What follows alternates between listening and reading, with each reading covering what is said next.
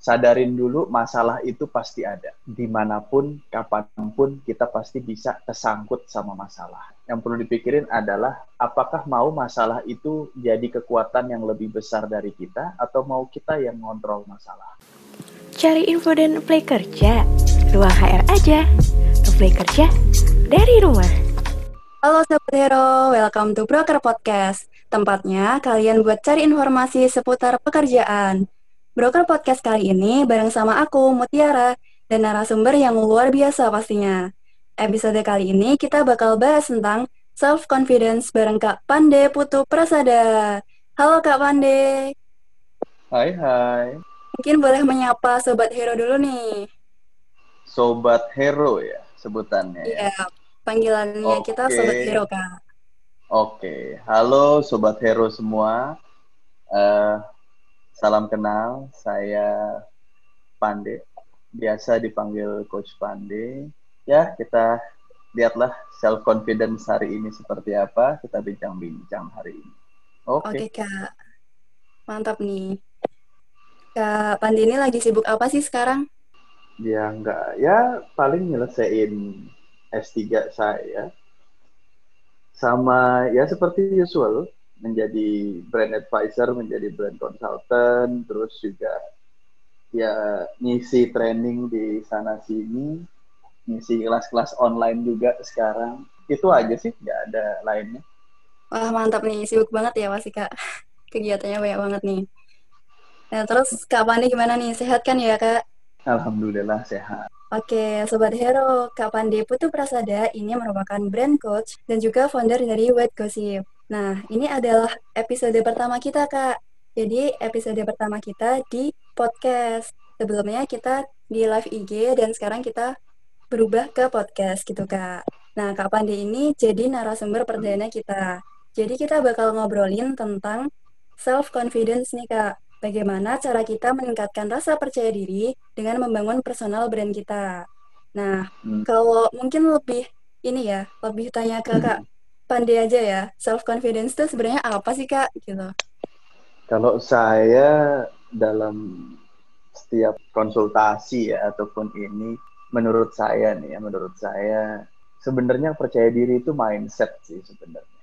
Dan itu bagaimana cara kita melihat diri kita sendiri dan bagaimana kita membandingkan diri kita dengan orang lain. Nah, kalau hasilnya orang lain lebih besar daripada diri kita, biasanya kita jadi nggak percaya diri. Akhirnya timbul pikiran yang, ah gue nggak bisa, ah gue belum sanggup.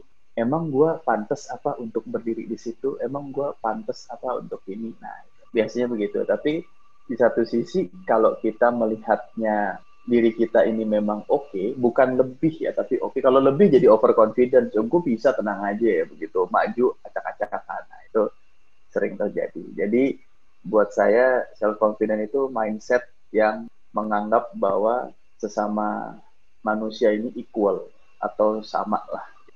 Oh ya, berarti kayak bagaimana cara kita itu membandingkan diri kita dengan orang lain gitu ya kak? Ya simpelnya gitu sih. Oke, simpelnya kayak gitu ya, membandingkan diri kita dengan orang lain. Nah mungkin nih kak, kalau secara teori ya, itu kan kayak gampang gitu ya kak mungkin menerapkan self confidence ini. Tapi kalau udah dipraktekin nih susah banget nggak sih kak kayak bisa menumbuhkan rasa percaya diri ini? Ya kan? Susah banget kan kak? Kayak pasti uh, mungkin kalau susah enggak ya.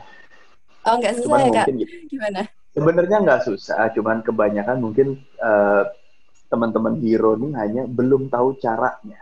Coba sekarang oh, uh, aku minta kamu tolong benerin motor dong. Susah nggak Ya susah karena belum tahu kak. Nah, tapi coba uh, tolong ajarin aku selfie dong. Iya tahu lah kak, udah sehari-hari kan nah, ya. Gampang kan? Nah itu simpelnya gitu. Oh ya, berarti itu karena kita belum tahu caranya nah. Nah sekarang aku mau tanya nih kak, terus caranya tuh gimana kak? Mungkin bisa bagi tipsnya ke kita. Oke, caranya yang pertama adalah be ini bukan cara yang pertama ya, tapi satu-satunya cara adalah be positif. Jadi mulailah berpikir positif. Karena kayak tadi ku bilang semuanya ini berawal dari mindset. Mindset ini akan menentukan filter menjadi filter informasi yang masuk buat kita.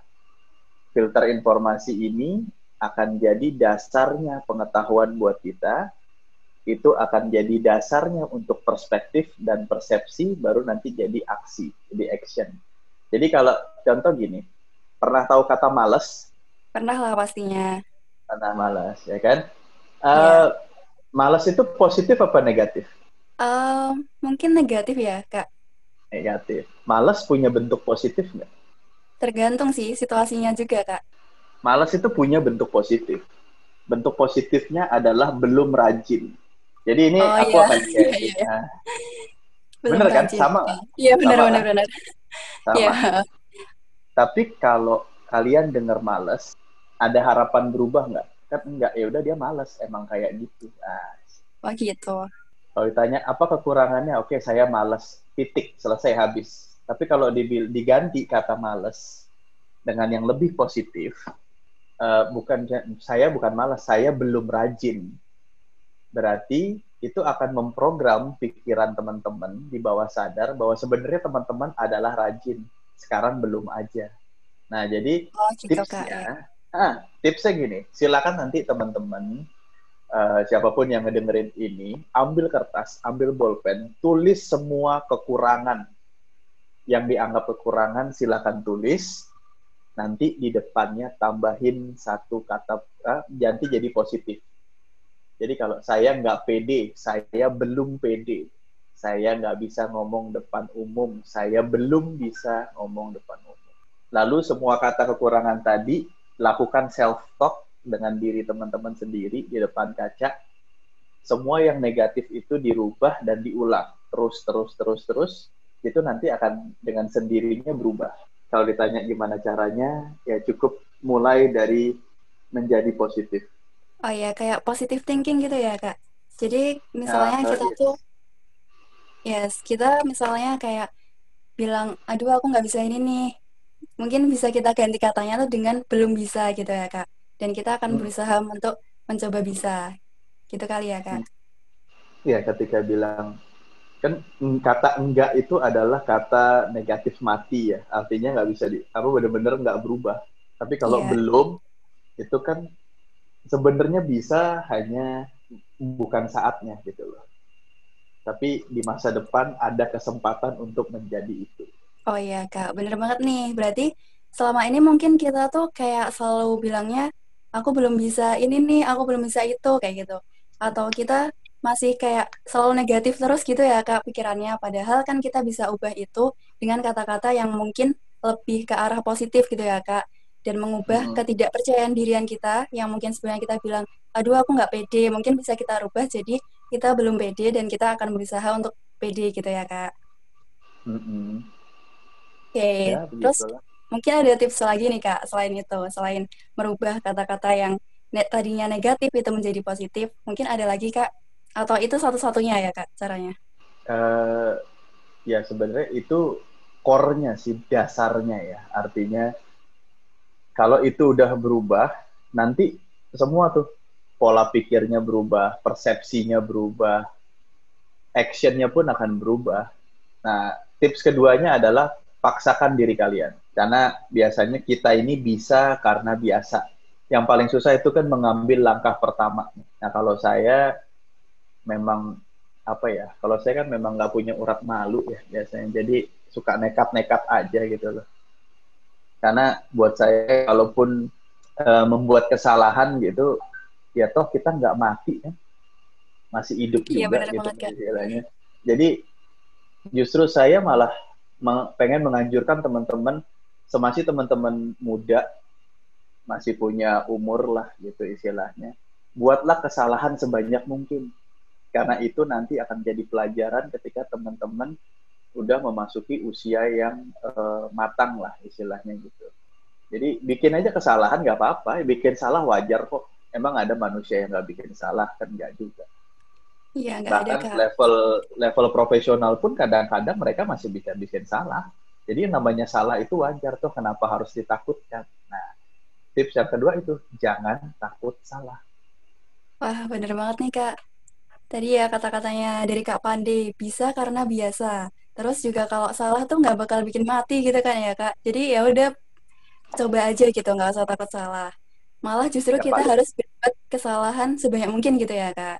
Soalnya dari kesalahan itu kan kita jadi belajar kan ke depannya untuk memperbaiki diri juga. pernah di PHP. Aduh, pernah nggak ya? Nah, di, di, Gimana ya di, kak? Eh, di PHP, yang nggak harus urusan cinta ya, tapi kan oh, di kadang-kadang yang PHP dalam lain-lain di Ya, pernah lah pastinya kak. habis di PHP paling udah begitu aja, besok ya lanjut lagi kan sama aja sebenarnya bikin salah juga gitu. PHP itu kan salah mengambil pilihan tuh. Iya, Harusnya jangan milih yang itu, kita milih yang itu jadi kena PHP kan salah. Ya, terus apa habis itu? Kan dunia nggak berakhir di situ kan. Kita nggak nggak mati di situ. iya benar banget kak. Ya udah lanjut aja. Terus besoknya belajar kan. Oh, gua kalau kemarin ngomong gini, gue pasti di PHP nih. Ya udah kan jadi belajar. So bikin kesalahan yang banyak, jadi belajar banyak. Iya benar banget nih.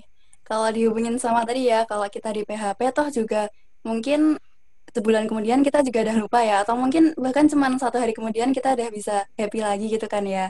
Karena ya udahlah itu kan kesalahan yang lalu, kayak gitu kan ya Kak. Jadi intinya tetap ya udah nggak apa-apa, mumpung masih muda gitu kan ya Kak. Kita buat kesalahan tuh nggak apa-apa, kita justru belajar dari situ, ya kan Kak.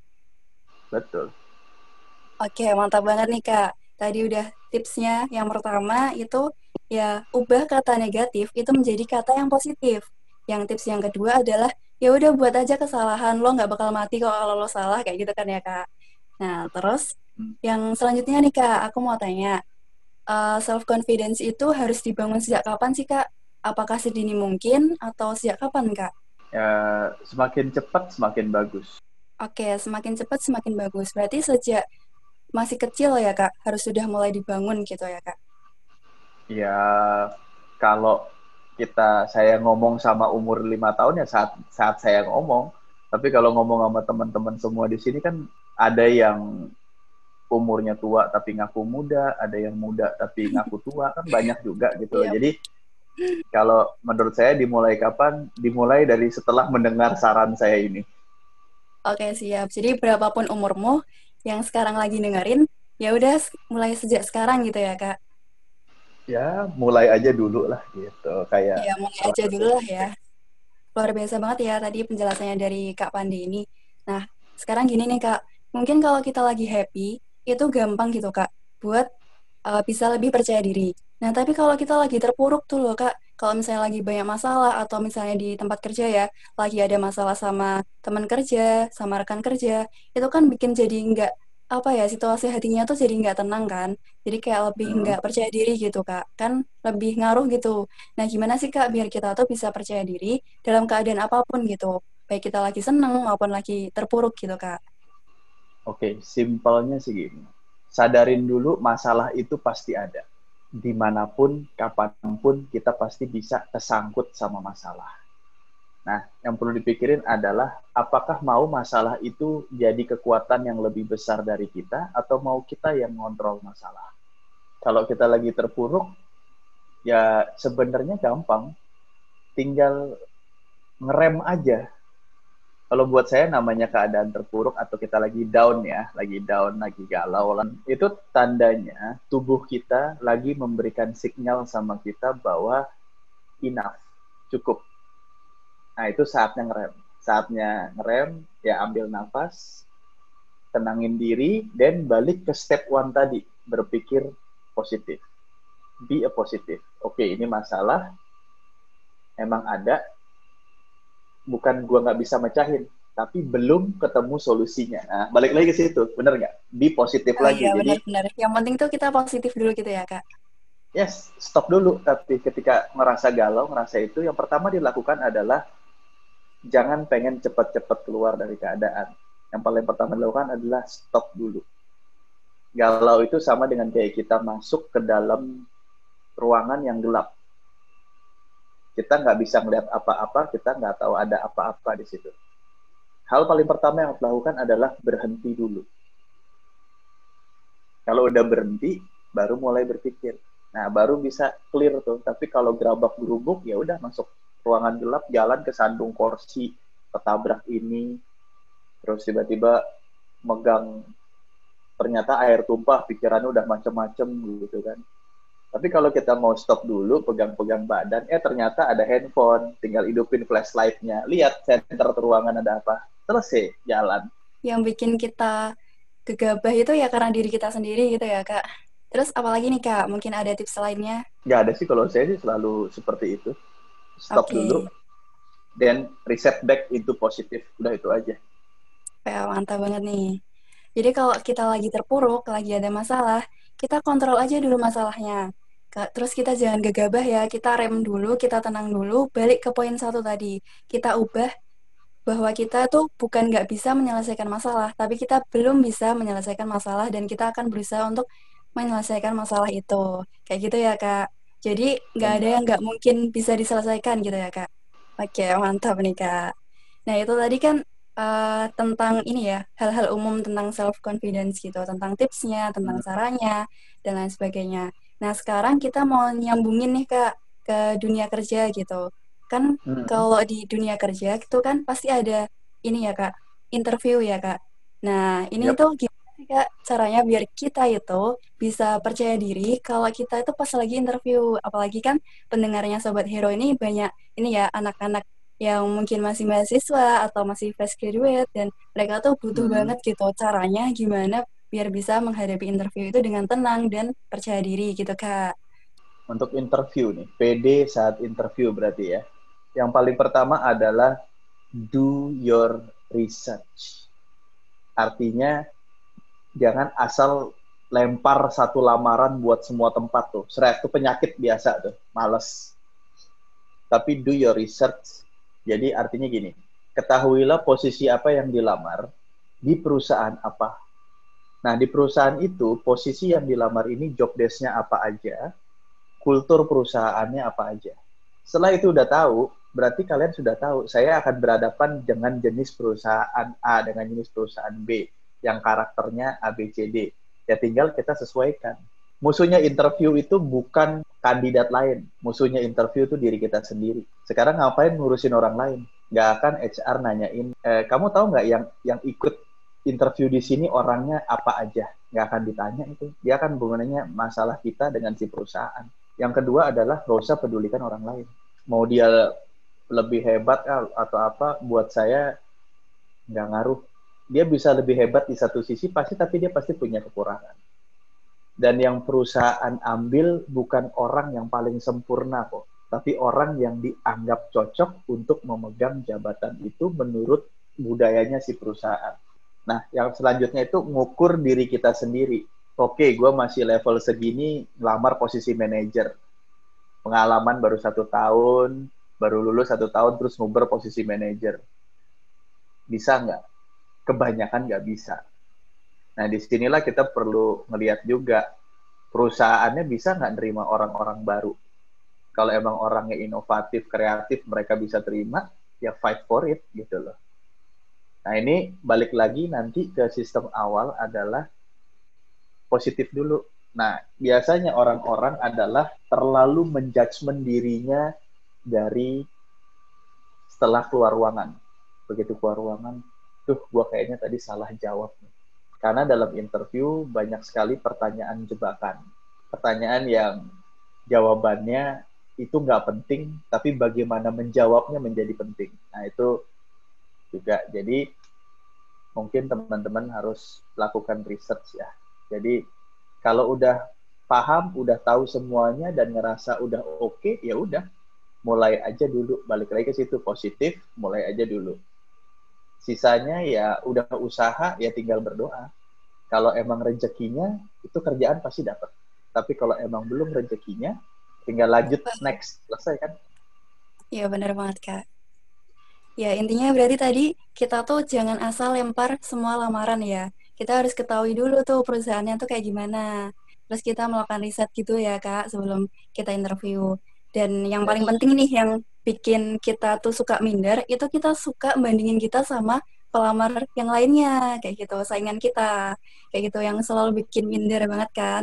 Nah, dari situ nih, uh, nggak usah peduliin orang lain gitu ya, kalau pesan dari Kak Pandi tadi jadi nggak usah pedulian orang lain. Ya udah kita fokus sama diri kita. setiap orang tuh pasti punya kekurangan kok nggak ada yang semuanya tuh kelebihan semua gitu ya kak pasti semuanya punya kekurangan dan perusahaan itu nggak cari yang sempurna tapi mereka tuh mencari yang cocok menurut mereka. Dan tenang aja kalau udah rezekinya pasti bakal jadi rezeki kita atau pekerjaan kayak gitu kan ya kak? Nah terus nih ya kak uh, yang selanjutnya kalau tadi kan di interview nih kan sebelum masuk kerja. Nah kalau udah di posisinya udah jadi di pekerjaan tersebut kan pasti kita bekerja dalam tim gitu ya kak. Di situ pasti hmm. ada yang diskusi dan lain sebagainya. Nah gini hmm. kak permasalahannya hmm. itu biasanya kalau buat para junior tuh mereka tuh masih sungkan buat menyampaikan pendapat kak. Jadi kayak ngerasa kebanyakan mikir gitu loh kalau menyampaikan pendapat. Entah nanti sungkan sama seniornya entah grogi atau merasa aduh ini cocok nggak ya pendapatku? Nah gimana sih kak biar nggak kayak gitu gitu loh. Biar nggak usah kebanyakan mikir gitu kalau mau menyampaikan pendapat sebenarnya sih itu terjadi dari karena sering berasumsi. Coba semua kalimat yang tadi kamu sebutin sebagai masalah itu asumsi kan? Iya kak, berasumsi. Ya. Belum belum terjadi kan? Belum. Nah iya, jadi lucunya gini, uh, yang coba banyak dilakukan oleh orang-orang yang seperti itu, kalau saya bilangnya coba ngelangkahin Tuhan ya jadi kayak dia bisa ngeliat masa depan gitu. Wah ntar gue ngomong nih pasti diomelin. Ntar gue ngomong pasti begini pasti begini. Yang pasti itu cuma mati. Sisanya nggak ada yang pasti. Dicoba aja belum udah mikir yang enggak enggak ya coba aja kalaupun memang nanti kena marah ya paling disemprot. Eh anak baru jangan nyolot. Oh iya ya kak. Maaf selesai. Terus apa masalahnya. Tapi kalau ya, pas kita ngomong saran kita bagus yang penting satu prinsipnya adalah kalau buat saya prinsipnya yang paling pertama adalah respect. Dengan siapa pun, orang yang lebih tua, yang lebih muda, respect. Artinya kalaupun kita emang mau mengajukan sesuatu, dunia kerja ini kan dunia profesional ya, bukan dunia baper ya. Jadi kalau kita masih mengikuti kaidah-kaidah profesional, misalnya kita misalnya lagi dilemparkan, gimana ada teman-teman yang mau berpendapat, tinggal saya angkat tangan izin pak saya ada punya pendapat boleh menyampaikan izin kakak senior semuanya saya izin masih sopan kan nggak ada masalah ya jangan nyolot eh saya saya ya, jadi menurut gue ya langsung begitu udah kayak apaan tahu ya pasti akan di Iya benar banget nih kak. Namanya di ini tapi kalau kita polite dan sopan dan juga mengumpulkan pendapat pakai data, pakai fakta, biasanya diterima. Karena ini dunia profesional, bukan dunia yang ngelihat lu siapa dari mana, tapi apa yang diomongkan. Lebih ke konten. Oh iya, benar banget, Kak. Punya isi di situ, speak up. Oke nih, Kak. Jadi intinya tuh kita nggak usah kebanyakan berasumsi gitu ya, Kak. Karena dunia kerja itu kan dunia profesional, bukan dunia baper gitu ya, Kak. Jadi ya hmm. udahlah nggak usah bawa-bawa perasaan gitu ya kalau di dunia. Maksudnya kalau kita selama kita sopan sama senior, ya pasti kita juga bakal diterima dengan baik gitu ya kak. Ya iya kita balikin aja kalau ada orang yang sopan sama kita juga kita mau dengerin kok. Oke bener banget nih kak. Jadi ya udah ya pokoknya nggak usah bawa-bawa baper deh di dunia kerja kita ya. Kita profesional aja dan intinya kita selama kita berlaku baik sama orang lain maka orang lain juga akan melakukan sebaliknya. Nah mungkin hmm. terakhir nih kak tentang dunia kerja nih Mas Ian kak. Nah, kalau yang tadi kan kita udah ngomongin interview, terus udah ngomongin menyampaikan pendapat nih, gimana biar kita bisa berani untuk menyampaikan pendapat. Nah, yang terakhir nih tentang gimana kita biar bisa percaya diri ketika presentasi kerja nih, Kak. Kan pasti banyak ya kalau di dunia kerja kita harus laporan dan lain sebagainya. Terus kan kita pasti dilihat lagi nih sama senior kita. Gimana nih caranya, Kak? Biar lebih percaya diri. Uh, laporannya di sini artinya presentasi di floor Iya, Karena kalau sekedar laporan doang kan kamu ntar taruh laporan di meja saya taruh aja udah laporan nggak ada nggak perlu percaya yeah. diri juga. Tapi kalau yeah. memang mempresentasikan hasil kerja di dalam floor, uh, yang paling pertama ini berhubungan sekali dengan public speaking. Jadi tips saya untuk teman-teman pelajarilah public speaking. Uh, jadi teman-teman bisa bicara depan publik tahu caranya. Yang kedua adalah persiapkan diri teman-teman. Artinya uh, jangan suka ngedompleng kerjaan orang lain terus di aku-aku jadi punya sendiri. Nah, ini jangan. Karena begitu presentasi ketika yang namanya nervous itu menyerang, kelihatan orang yang benar ngerjain sama enggak. Kalau yang benar ngerjain dia sudah menjalani prosesnya. Memori mengerjakan itu sudah masuk di dalam otak. Jadi tanpa susah kita ditanya dia bisa ngejelasin. Tapi kalau orang yang tukang dompleng, ini kan banyak nih penyakit sekarang, penyakit kopas, Nah, itu biasanya akan kelimpungan, bingung mau jawab apa. Jadi, persiapkan diri dengan materi yang kita mau presentasikan, itu persiapkan. Bahkan kalau perlu, lakukan simulasi di kepala gitu. Oke, kalau gue presented begini, nanti gue ditanya, apa ke kemungkinan keluar ditanyanya itu siapkan. Jadi well prepare sebenarnya. Kuncinya cuma di situ kalau untuk presentasi. Oke, Kak. Berarti kuncinya kita harus persiapkan public speaking juga kita mungkin bisa simulasi dulu ya Kak dan persiapkan dengan baik-baik gitu. Nah tadi kan udah ya tentang interview, menyampaikan pendapat, juga tentang bagaimana kita presentasi kerja gitu. Nah hmm. kayak udah lengkap banget ya tadi. Mungkin Kak Pande bisa kasih motivasi nih buat Sobat Hero dan juga sekaligus closing statement dari Kak Pande buat kita semua nih Kak.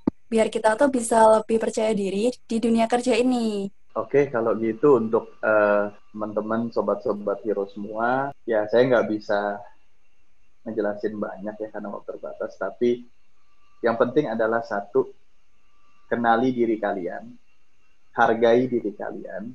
Dengan mengenal diri dan menghargai diri, kalian bisa mulai mulai menghargai orang lain, mulai memberikan respect di depan, dan akhirnya itu akan memberikan situasi lingkungan yang lebih kondusif buat teman-teman sih. Jadi put respect on the front. Terlepas orang lain itu menghormati kita atau enggak, just put respect. Merendah itu bukan berarti kalian rendahan. Merendah itu adalah bukti bahwa kita paham posisi, bahwa kita sebenarnya lebih kuat dari dia. Orang kuat santai-santai aja kok. Orang yang pede itu biasanya jarang bertingkah, dia biasanya santai-santai aja. Justru karena orang yang banyak tingkah itu biasanya nervous. Jadi untuk teman-teman saran saya cuma satu, coba deh kenalin dirinya masing-masing. Pahami kelebihannya, pahami kekurangannya. Gak usah malu sama itu. Memang manusia seperti itu. Mulailah akad bicara, mulai bersuara, tapi kedepankan respect dan polite itu aja sih dari saya. Oke, mantap banget nih. Udah panjang lebar ya penjelasannya dari Kak Pandi dan luar biasa banget nih. Semoga kita bisa mengambil pelajarannya ya. Intinya adalah kalau kita mau percaya diri ya kita mulai hargai orang lain supaya orang lain juga bisa menerima kita dengan baik gitu ya. Terima kasih banyak nih Kak Pandi udah menyeluangkan Yo. waktunya. Makasih banyak ya Kak. Iya, sama-sama. Udah dikasih okay. kesempatan. Luar biasa banget nih Kak Pandi. Makasih banget nih udah luangin waktunya di tengah kesibukannya loh. Luar biasa ya. Gimana nih Sobat Hero? Seru kan bahasan kita hari ini? Terima kasih Sobat Hero yang udah dengar Broker Podcast kita hari ini. Untuk Sobat Hero yang pengen tahu dunia kerja, tenang aja. Broker Podcast bakal ada setiap minggunya kok. Biar kalian nggak ketinggalan informasi tentang Broker Podcast ini, maka ikuti media sosial kami di Instagramnya at ruanghr.co.id dan juga di website Ruang HR. Aku Mutiara dan juga Kak Pande, kami pamit undur diri. See you! Welcome to Broker Podcast. Ngomongin kerja bareng ruang HR.